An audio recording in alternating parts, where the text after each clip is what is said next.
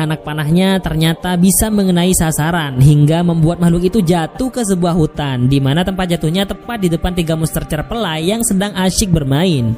Batu lin yang bersinar itu menarik perhatian monster cerpelai dan membawanya kabur. Tak lama kemudian, beberapa anggota dari Biro Yin Yang datang menyerang makhluk bersayap itu sekaligus untuk mengambil batu lin, di mana batu lin itu dipegang salah satu monster cerpelai. Dan tanpa diduga, batu lin itu malah dimakan oleh salah satu cerpelai karena saking gak maunya diambil hingga membuatnya pingsan. Wong batu malah dimakan, kita ada kelenger. Kemudian dua monster cerpelai itu membawa satu temannya yang sedang pingsan ke markas mereka. Di sisi lain, makhluk bersayap yang dikejar orang-orang dari Biro Yin Yang berhasil kabur dan kembali ke markasnya. Di sana sudah ada seorang wanita yang dijuluki wanita salju dari ras monster dan seseorang dengan tudung hitam misterius yang memegang makhluk berbentuk tangan. Dialah yang mengirim dua makhluk bersayap itu untuk mencuri batu lin